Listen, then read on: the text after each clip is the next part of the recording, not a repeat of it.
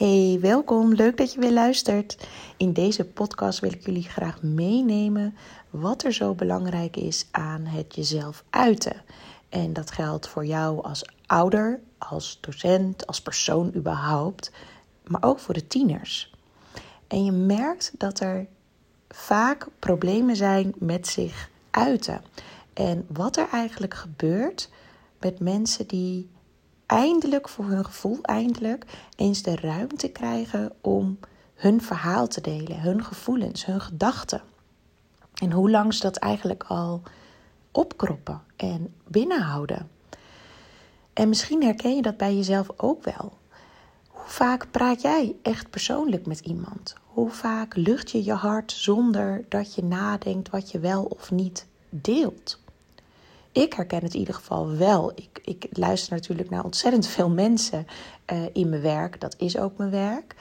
En je ziet ook het effect daarvan. Maar andersom uh, gebeurt het iets minder snel. Ik vertel niet zo snel veel dingen over mezelf. Ook niet uh, aan mensen die ik goed ken. Niet dat ik dat niet wil.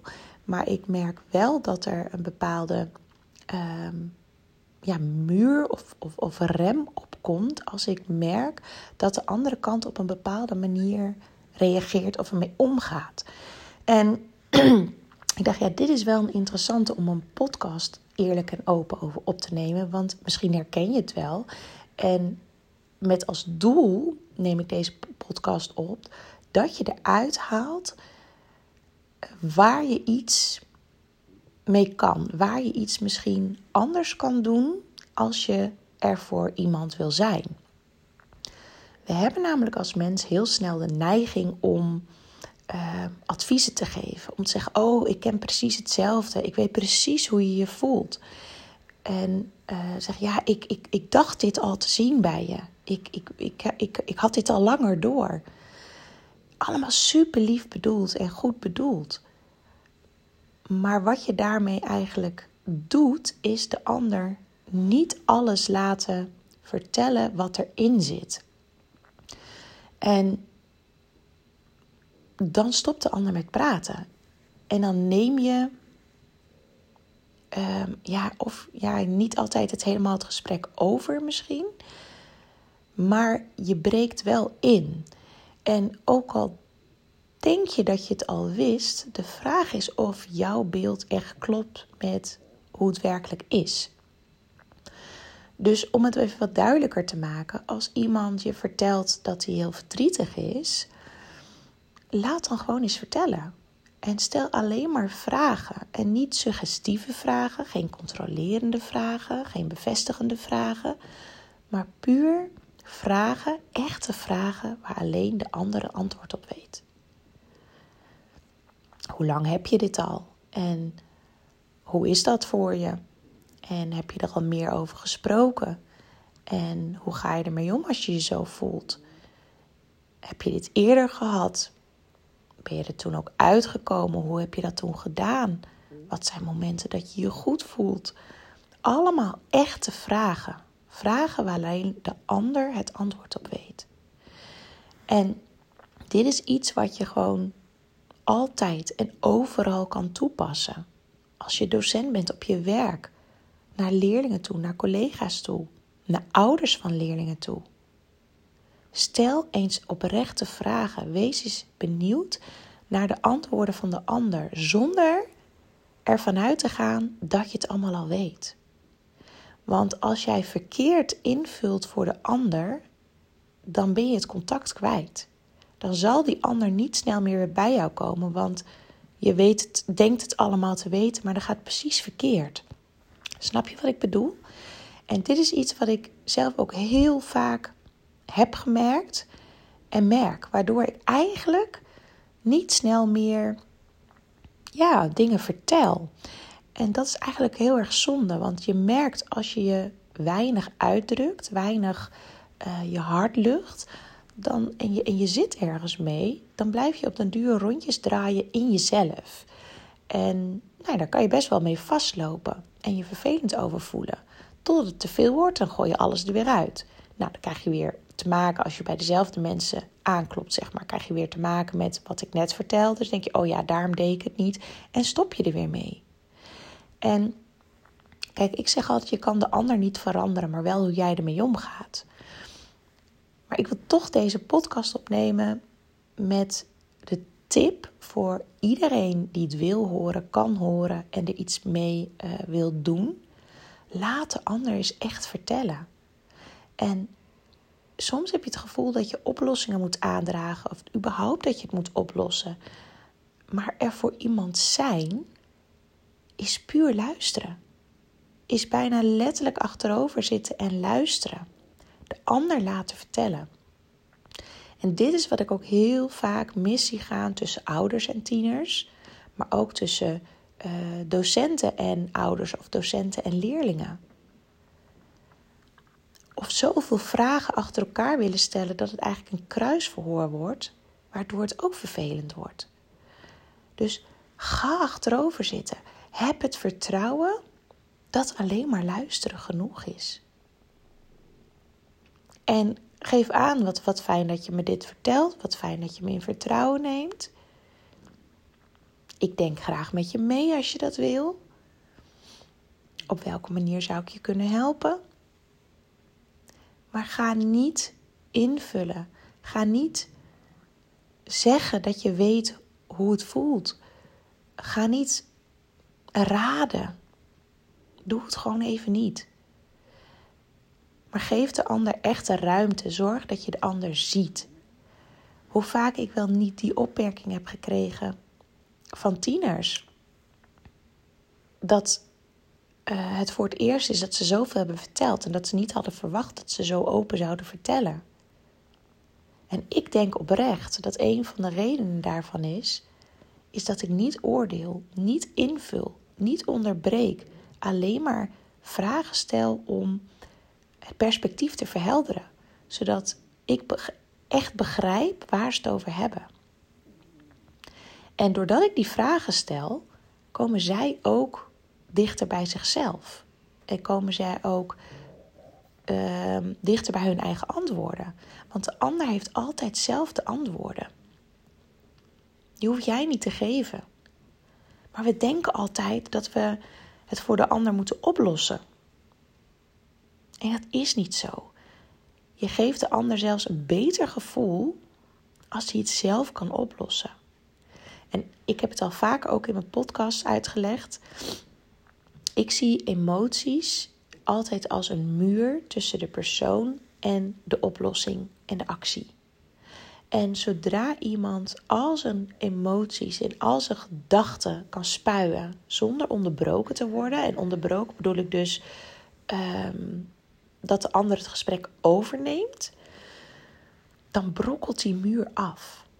En op den duur gaat diegene zelf weer oplossingen zien en mogelijkheden zien en komt hij zelf weer in beweging. En het enige wat jij hoeft te doen is gewoon te luisteren. Oprecht luisteren, zonder oordeel, zonder invullen, zonder ik wist dit al of ik zei het toch. Nee, laat de ander helemaal, uh, geef de ander helemaal de ruimte om te spuien. Ik had het laatst nog met mijn jongste zoon, Milan. Er was iets online gebeurd uh, met, uh, met, een, met een spel of zo.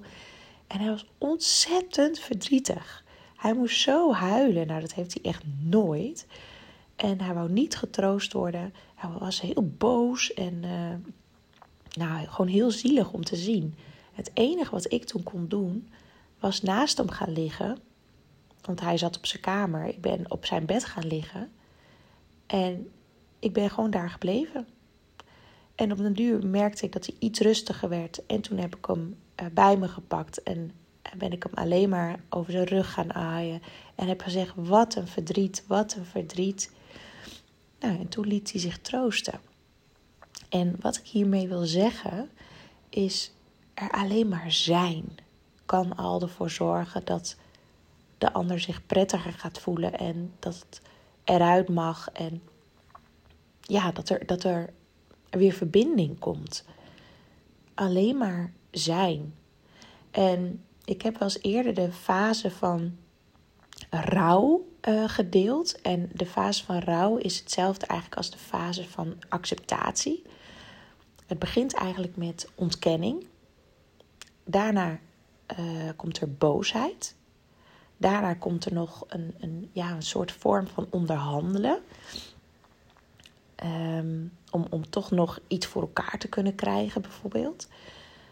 Um, wat niet echt realistisch is in de situatie. Daarna komt er verdriet. En daarna komt de acceptatie. En als je ook weet dat je, dat je primaire emoties en secundaire emoties hebt. En de primaire emoties die duren, ik zeg het even uit mijn hoofd, dus ik weet niet of het precies klopt, maar ongeveer 40 seconden. Dus echt boosheid van iemand duurt 40 seconden. En daarna ehm, kom je alweer in een secundaire emotie. En daar kan je alweer wat langer in blijven hangen. Wat ik hiermee wil zeggen is: blijf in contact en zonder oordeel en wees er gewoon. En ook bij die, die primaire emoties, stel dat iemand heel erg boos doet, zoals met mijn jongste zoon, die was heel erg boos aan doen. Ik kon helemaal niks. Hij duwde me weg, ik mocht niet helpen en mocht niet troosten, helemaal niks. Dan weet ik, oké, dat duurt ongeveer 40 seconden. En daarna blijft hij ergens misschien een beetje in hangen. En, en komen we uiteindelijk wel met elkaar weer in contact. En dat gebeurde ook. En op duur gaat hij dan ook weer grapjes maken en wil hij wel samen weer een kopje thee drinken en is alles klaar. En soms is het zo moeilijk om te verdragen hoe een ander zich voelt.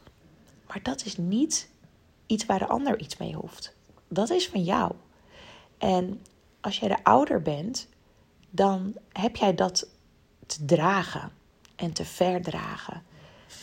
En ik zie het altijd voor me dat Bentje zit hier een beetje raar te doen.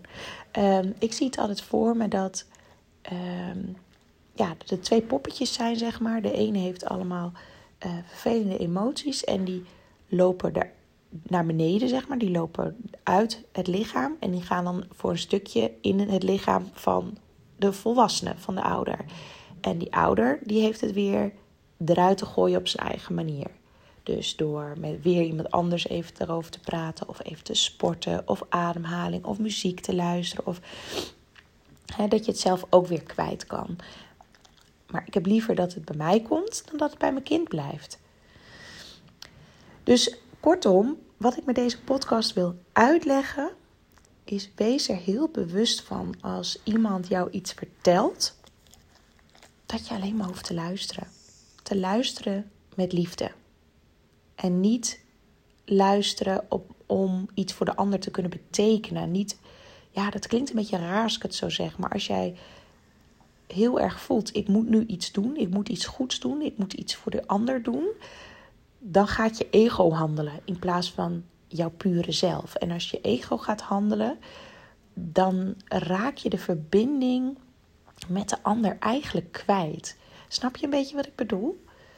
Dus echt vanuit liefde voor de ander luisteren en er zijn. Dat is echt genoeg. Sterker nog, dat is veel meer dan echt iets voor de ander moeten betekenen.